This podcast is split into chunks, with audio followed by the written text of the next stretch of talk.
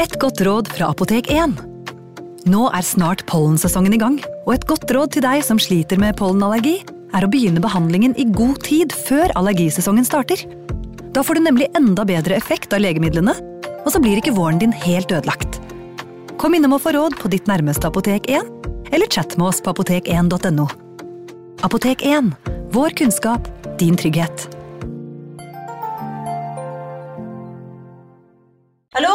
Jeg kommer fra Oslo politikammer.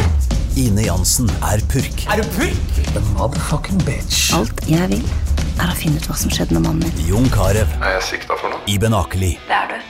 Ole So, Lars Berrum og Big Daddy Karsten. Hvem sin side er du på, egentlig? Anette Hoff, Tone Danielsen, Kommer du fra Afrika? Jørnis Josef, Nesten. Kløfta. Trond Espen Seim, Det er synd å si det, men det var feil mann som døde. Purk. Premiere tirsdag på TV2 Play. Advarsel. I denne podkasten vil du høre historier basert på informasjon programlederne har funnet selv. Programlederne står ikke nødvendigvis inne for meninger og syn som fremstilles. Noen påstander kan avvike fra virkeligheten.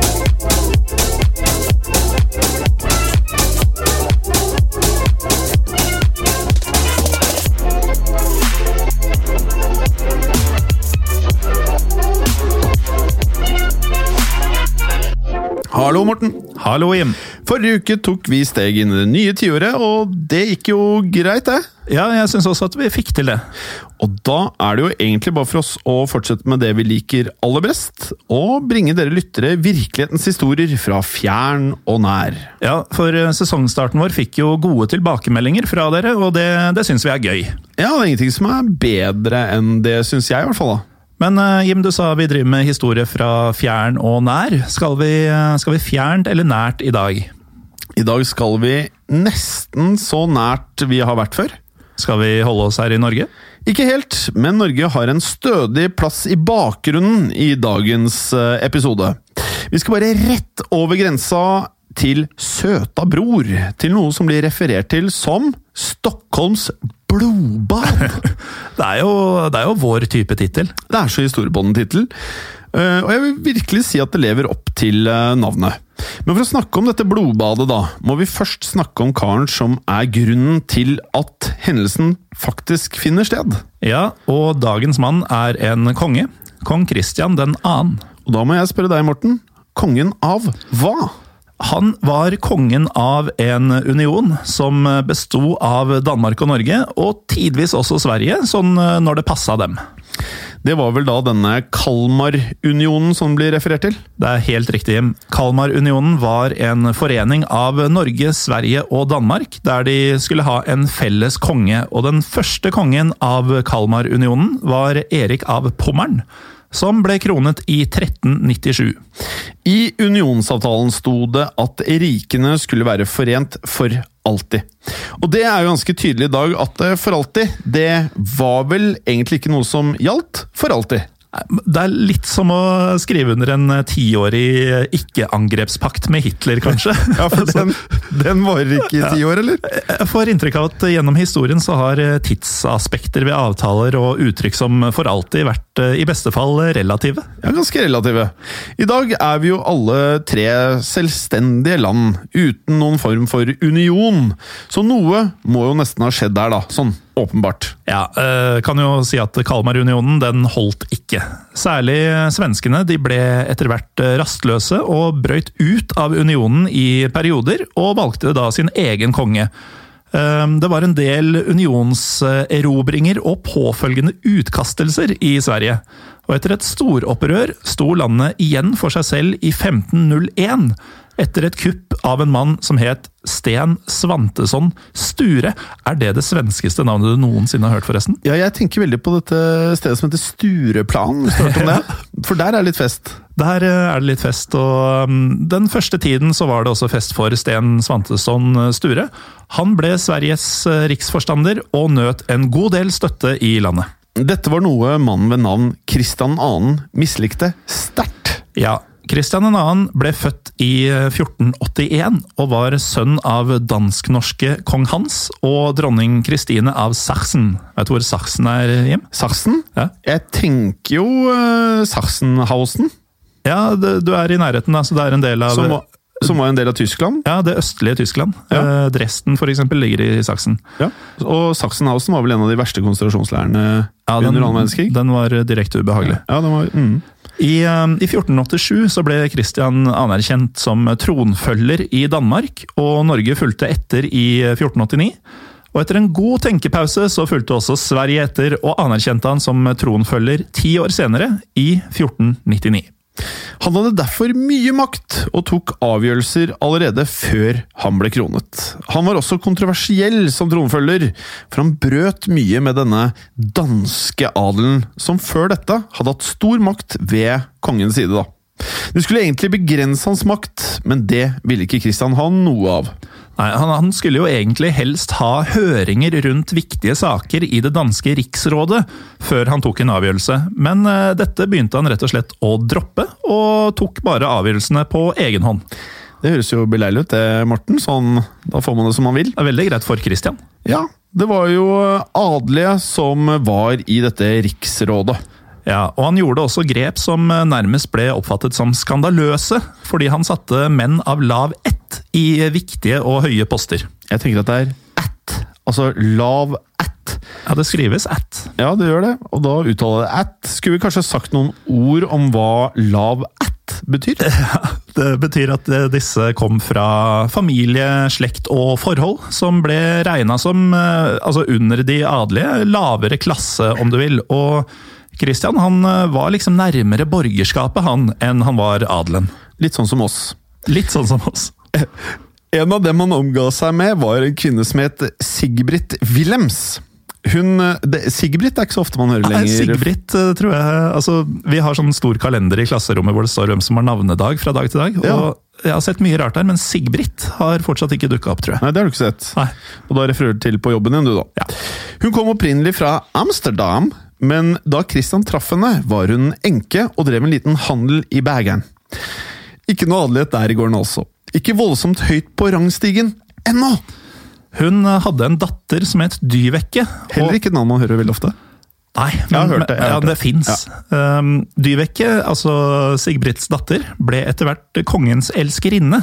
Og um, Christian tok da både Dyvekke og moren Sigbritt med til København, der Sigbritt snart skulle bli en viktig kvinne.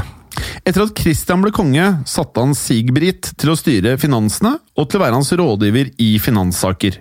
En slags datidens finansminister kan man nesten kalle Sigbritt. Visstnok skal han ha vært dyktig til å drive finansene, og nådde stor innflytelse på Christian. At en eh, lavettet enke med en eh, liten handel i Bergen skulle bli kongens finansielle rådgiver, det gjorde vel eh, sikkert at et par adelige satte tekakene i halsen, Jim. Ja, Det er lett å forstå at de adelige satt tekakene i halsen, for dette kan ikke ha vært spesielt eh, populært, nei. Men eh, når han først skulle styre, hva skjedde i unionen da? Ja, Som vi pratet om, så var svenskene noen villstyringer som syntes at unionen bare var til bry, og noe de ikke var tilhengere av, selvfølgelig.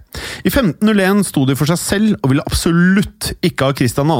til konge når de hadde Sture som riksforstander. Og dette det falt i dårlig jord hos eh, Christian.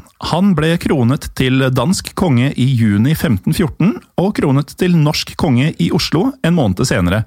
Svenskene derimot ville ikke ha noe med han å gjøre. Kristians store mål var å samle de tre rikene under seg, men for å gjøre det måtte han kue Sturepartiet, som det ble kalt. Det vil si Stures tilhengere i Sverige. Så hvordan skulle en mektig konge kue dette Sture-partiet? Jo, det er jo enkelt å tenke seg det. Han bestemte seg for å erobre. Jepp, her skulle det altså rustes opp og marsjeres i vei mot Stockholm. Kristian tok med seg flåten sin og seilte mot Stockholm i 1517. Første forsøk gikk heller dårlig for Kristian og hans eh, flåte. Stockholm hadde et godt forsvar, men Kristian 2. han var ikke en mann som ga opp, så han prøvde igjen allerede året etter, i 1518. Igjen rustet han da opp flåta si og seilte av gårde mot Stockholm. Og den gangen også endte dette mislykket. Han var muligens litt for rask med å trykke på avtrekkeren igjen bare med ett års mellomrom. Men hans store mål var jo å tvinge Sverige i kne, så han ga ikke opp denne gangen heller. Han venta litt grann lenger enn forrige gang, hele to år denne gangen, til 1520. Og så tok han med seg flåten enda en gang. Seilene ble heist og retta mot Stockholm. Og hvordan gikk det da denne tredje gangen, Morten? Fordi man sier jo alle gode ting er tre. Ja, og tenke seg til, det gikk mye bedre. Denne gangen seiret Christian. Sten Stures hær ble slått og beseira. Sture selv var også med i slaget og ble skadet, og ikke lenge etterpå så døde han av disse skadene han hadde fått. Og da hadde jo Kristian endelig ryddet sin hovedmotstander av veien. Nettopp. Med Sture beseiret ble Kristian valgt til konge av Sverige. Uh, han ble valgt? Måtte han velges? Ja, ja, ja. På denne tida ble det både praktisert arvekongedømme og valgkongedømme. Arvekongedømme er sånn som vi har det i Norge i dag, som betyr at tronen går i arv innad i familien. På den tiden gikk tronen alltid til kongens eldste sønn, men nå går den gjerne til eldste barn. Eldste barn altså uavhengig av kjønn? Nettopp. Her i Norge for eksempel, har vi jo kong Harald. Tronen vil en dag gå til sønnen kronprins Haakon, og deretter til hans eldste barn igjen, som er prinsesse Ingrid Alexandra. Så i et valgkongedømme så kunne viktige folk stille til valg som konge? Ja, noe sånn, da. Det ble brukt en del i Europa i middelalderen, kombinert med det arvelige. Så om du hadde kongelig blod og kongelige foreldre, kunne du bli valgt. Virker det iallfall sånn, da. Det hjalp jo sikkert at han nettopp hadde invadert landet med en stor hær og seiret. Det var nok ikke feil, Morten, hvis det er det du prøver å insinuere her. Så Christian ble jo da valgt til konge over eh, Sverige, og drømmen hans gikk altså i oppfyllelse. Nå kunne han forene de tre rikene Norge, Sverige og Danmark under seg. Det kunne han. Han ble kronet til svensk konge i Stockholm 4.11.1520, og etterpå satte han i stand en skikkelig fest. Det ble et party! Ja, jeg skjønner jo det, da, når du har holdt på i flere år og endelig nådd dette målet. Da, da, smeller det litt. Ja, da smeller det såpass at du må feste i over tre hele dager. Jeg, jeg, jeg, tror ikke jeg har vært med på en eneste fest som har vart i mer enn én eh, dag. Jeg har fått med at du har vært på fester som har vart ganske lenge. Ja, men jeg tror de, liksom, de har vært under 24 timer. Det nærmeste jeg eh, kommer på, er en, er en nyttårsfest for mange år tilbake. Der siste gjesten min ikke dro hjem før på kvelden 2. januar. Folk hadde det altså gøy på festlighetene i tre hele dager, men latteren skulle raskt bleke for noen uheldige kort tid senere. Ja, hvordan det? Ja, for det er nå vi kommer til det som ligger i episodetittelen Stockholms blodbad. Det kunne jo egentlig vært navnet på slaget i Stockholm også, da Christian uh, seiret over Stures hær, men det er det altså ikke. Blodbadet skjedde nemlig rett etter tredagersfesten, så vi snakker en ordentlig bakrus etter tredageren. Hvordan dette blodbadet utartet seg, og hvorfor det oppsto, skal vi høre mye mer om etter en kort pause, som kommer nå. Vi er tilbake. Vi har kommet til begynnelsen på selve blodbadet. Det startet etter at Kristian 2. hadde feiret i hele tre dager etter at han hadde blitt konge av Sverige. Brått sto det et skafott på Stortorget i Stockholm, Morten. Et, et skafott? Ja, vet du hva det er?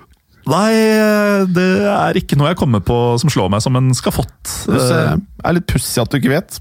Men jeg kan fortelle deg hva en skafott er for noe. Ja, Vær så snill. Ja, Og sikkert en, en og annen lytter der ute også som også lurer på det. Det er slags, eh, et slags eh, stillas som ble brukt til eh, ikke til å pusse opp, men til henrettelser. Mm. Blant annet altså da henging. En geistlig domstol ble reist. En domstol med en eneste straff. Kan hende du er bedre på å gjette straffer, da, Morten. Kan du da tenke deg hva straffen eh, var for noe? Den ene straffen man kunne bli dømt til. Altså, med, med, tanke på at det kalles eh, Stockholms blodbad, så ser jeg ikke for meg at du kunne bli dømt til en, et mindre forelegg. Det, det høres litt mørkere ut enn som så. Det mørkeste? Eh, døden? Det, det var akkurat det det var. Ja, og de som skulle unngjelde, var alle de som tilhørte Sture-partiet, eller som noensinne hadde uttrykt lojalitet mot Sture. For det var jo synonymt med motstand mot den nye kongen av Kalmarunionen, Kristian 2. Disse ble ført til domstolen, og straks dømt for kjetteri. Og kjetteri, Morten, har vi pratet om tidligere, men det kan jo være greit å gå gjennom hva som menes med kjetteri, eller? I tilfelle nye lyttere? Ja, i tilfelle nye lyttere. Og jeg har valgt en definisjon som eh, er på nynorsk for akkurat dette formålet. Hvorfor det? Nei, eh, tenkte det ikke sant? Vi har jo, Du vet jo ofte vi får på Facebook sånne folk som ber oss om å si ting Riktig. Ja, riktig. Mm. Og det er veldig mange som eh, har begynt med dette. Ja, For så, vi har jo fått en del lyttere. så betyr dette at vi skal ha denne delen på nynorsk også aldri igjen, eller kommer manusa på nynorsk framover? Nei, Jeg tenkte bare at vi kunne ha noen sitater på nynorsk. Ja, ok, da Ja. henger jeg med. Ordet kjetter kjem gjennom mellomnedretysk ketter, fra gresk katharos, som tyder dei reine, og var, og var eit navn på katarane, ei mekan...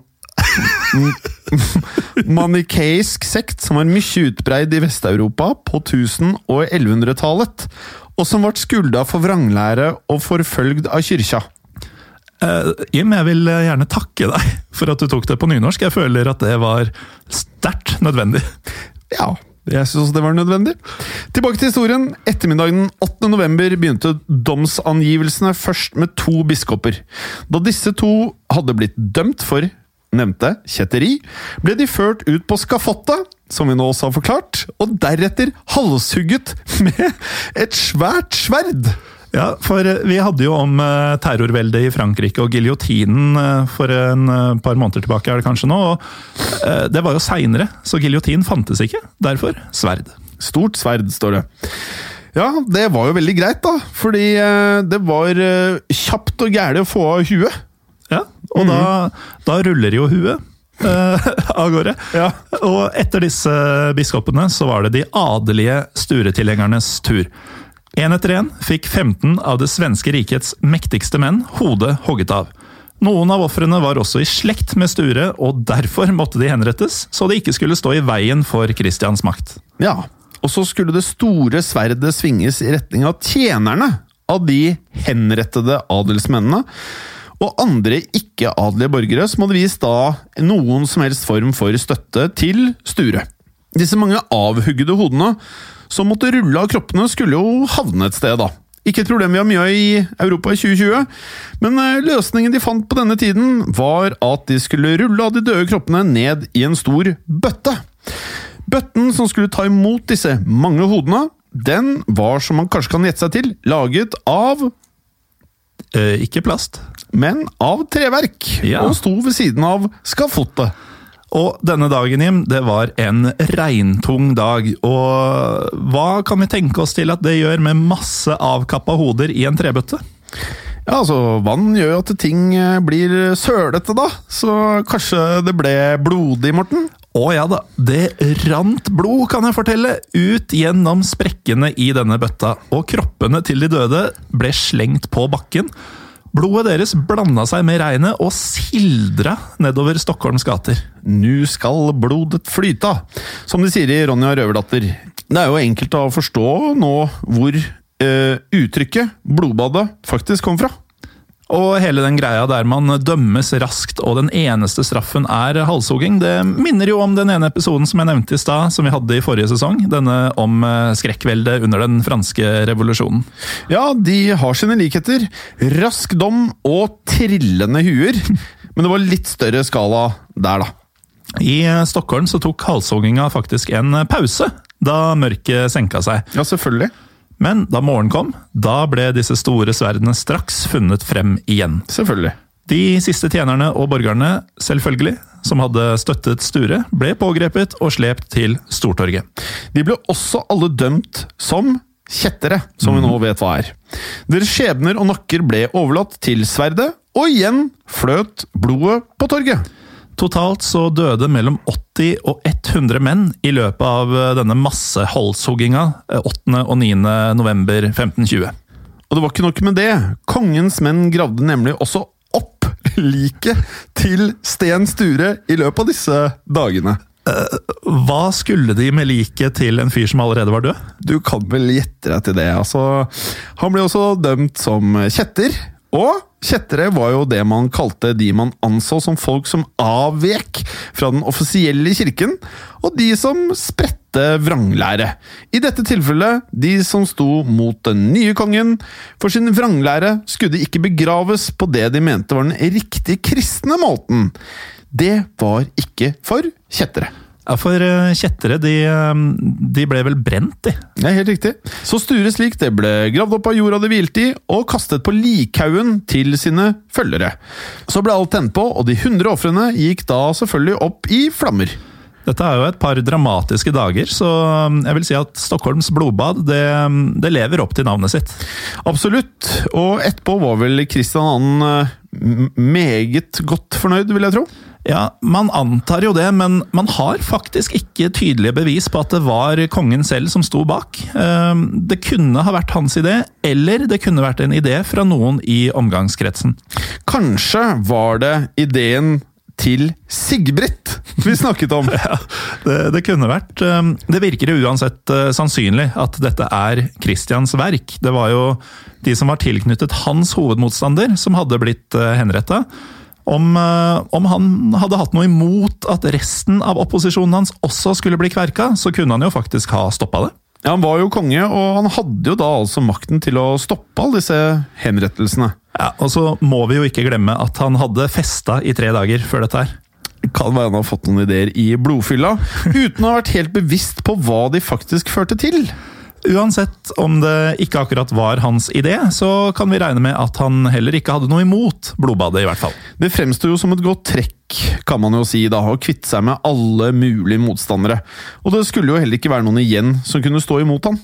Tja, det var det, da. Vi har en eh, beskrivelse av blodbadet fra 1868, altså flere hundre år etterpå, som slutter med et sitat som varsler om eh, noe annet. Og det, eh, siden du var så sporty og tok ting på nynorsk i stad, det skal jeg lese opp på min beste svensk. Svorsk? Ja, min beste svensk. Ok. Så lämnade Kristian Sverige. Landet, uppfyllt med hans knektar och befallningsmän, låg försänkt i blod. Men redan vandrade i Dalarne en av Sveriges edlingar, som i menighetens hjärtan tände hämndens brand och manade folket till strid att störta tyrannen och rädda fäderneslandet. Jeg vet ikke hva det var, det var i hvert fall ikke svensk. Eh, det var et hederlig svenskforsøk, forsøk, Morten. Jo, eh, takk. Det, det, er jo som oftest du som får disse vriene, gamle sitatene, så jeg syns det uansett var godt å prøve å flekse skillsa, som man sier. Men det sitatet høres det ut som eh, man sier at det var noen andre som skulle reise seg mot Christian. Og det var akkurat det det var. En mann ved navn Gustav Vasa han ble voldsomt arg da han fikk høre om blodbadet i Stockholm. Altså med W? Vasa, som i knekkebrød? Vasa? Eh, Gustavs etternavn starter faktisk med enkelt V, altså vanlig V. Så jeg tror ikke det har noe med hverandre å gjøre, annet enn at både Gustav og knekkebrød er svensk. Men Gustav ble altså full av raseri da han hørte hva kong Kristian hadde gjort. Gustavs far og to av hans onkler var nemlig blant adelsmennene som hadde blitt halshugget med svært sverd. Og dermed prøvde Gustav å mane bøndene i Dalarne-området i Sverige til opprør. Der ble han valgt til leder i 1521. I resten av landet så var ikke folk så glad i kong Christian eh, der heller, etter at de hørte om blodbadet han hadde stelt i stand. Så mange rundt om i Sverige samlet seg bak Gustav. Og høsten samme året ble han valgt til Sveriges nye riksforstander. Så resultatene av Kristians erobringer året før varte ikke så lenge. Gustav allierte seg med en tysk by kalt Lübeck, som ga han flåtehjelp. Lübeck, ja. Det er jo den uh, videregående byen til norske, norske tyske elever. Jaha. Sommeren 1523 ble han valgt til svensk konge, og med sin nye flåtehjelp erobret han Stockholm igjen rett etter dette. Og med det var Sverige atter en gang løsrevet fra Kalmarunionen, og vi kan avsløre at eh, det var for godt denne gangen. Og Kristian 2., da? Han ble ikke videre høy i hatten etter å ha blitt eh, drevet ut av Sverige, og det skulle dessuten gå dårligere for han på andre fronter også. Du husker kanskje at vi nevnte tidlig at han brøt en del med den danske adelen? Ja. Det var ikke en helt eh, heldig utvikling for posisjonen hans. Blodbadstuntet det forverret den visstnok litt også. Hvordan ble det forverret? Han eh, kunne ikke lenger forsone seg igjen med adelen. Han hadde brutt den muligheten helt i 1517. Da hadde nemlig elskerinnen hans Dyveke plutselig dødd. Hun var, eh, som nevnt, datteren til Sigbritt, denne enken fra Bergen som ble Christians finansrådgiver. Og Christian han anklaget en dansk adelsmann ved navn Torben Oksø for å ha forgiftet Dyveke, og dømte han dermed til døden. Jaha, men uh, hvordan var det? Hadde han forgiftet uh, Dyveke? Det vet vi ikke, men det har visstnok ikke blitt funnet noe kildemateriale som kan tilsi at eh, Okse hadde noe med det i det hele tatt å gjøre, men han ble likevel henrettet. Jeg kan jo skjønne at en slik dødsdom gjorde adelen lite villig til å forsone seg med kongen. Han hadde jo da tross alt brutt veldig mye med dem, og så kom jo da dette på toppen. Kristian 2. ble avsatt i 1522, og onkelen hans Fredrik 1. ble valgt til ny konge av Danmark og Norge. Året etter dette så forlot Christian landet og slo seg til i byen Lier i Belgia. Der oppholdt han seg en god stund, men eh, som vi har vært innom tidligere, han var ikke en fyr som ga opp så lett. I 1531 dukket han opp igjen med en hær denne gang. En flåte og et brennende ønske, må vel kunne si, til å vinne tilbake tronene sine. Denne gangen var det Norge han gikk inn i, og mesteparten av landet sluttet seg faktisk til ham. Men da han skulle forsøke å erobre det stedet vi nærmest sitter på nå, Jim, Akershus festning Altså, Vi er et steinkast unna. Ja, Da måtte Christian vifte med hvitt flagg, for um, forsvareren av festningen, danske Mogens Gyldenstjerne Å, pent navn, ja. ja. Han er dansk og gammeldags. Han var også vanskelig å slå, så Christian ble tatt til fange og ble sittende i fangenskap til sin død, som var i 1559. Og øyeblikket Kristian gir tapt i Sverige og Gustav Vasa blir valgt til svensk konge, regnes som slutten på Kalmarunionen sånn generelt sett. Kristian 2.s drøm om tre samlede riker ble da altså knust. Danmark og Norge hadde sin egen avtale. Og som vi vet gjennom eh, historiepodden så langt, så er avtalene kun for perioder.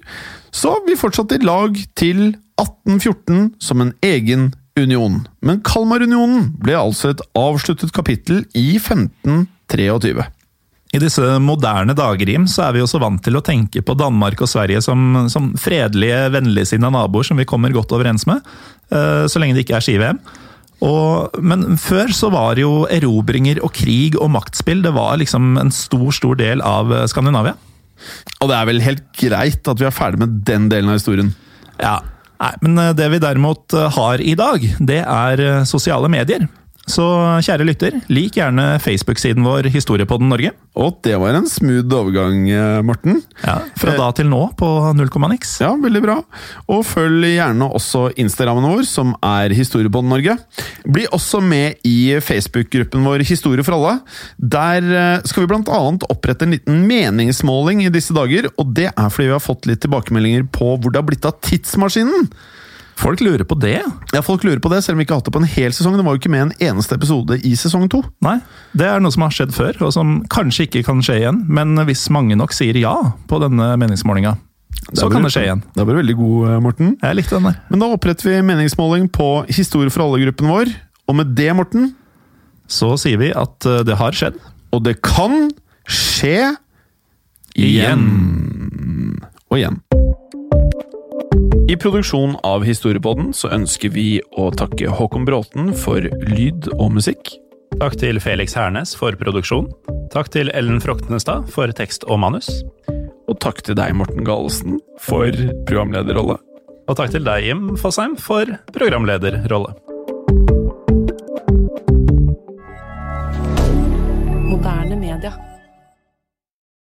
Har du et enkeltpersonforetak eller en liten bedrift? Da er du sikkert lei av å høre meg snakke om hvor enkelt det er med kvitteringer og bilag i fiken, så vi gir oss her, vi.